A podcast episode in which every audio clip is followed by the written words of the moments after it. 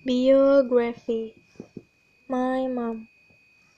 Mother was the one who bore me and nursed me to this day I'm fifteen years old.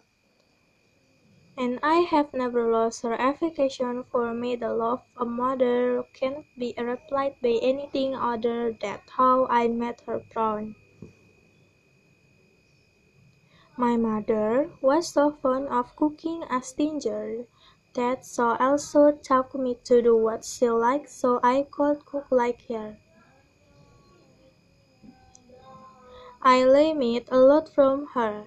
She was the non-talk woman, the one I love so much, the one that means so much to me. Without her I was nothing. I'm proud to have such a mother.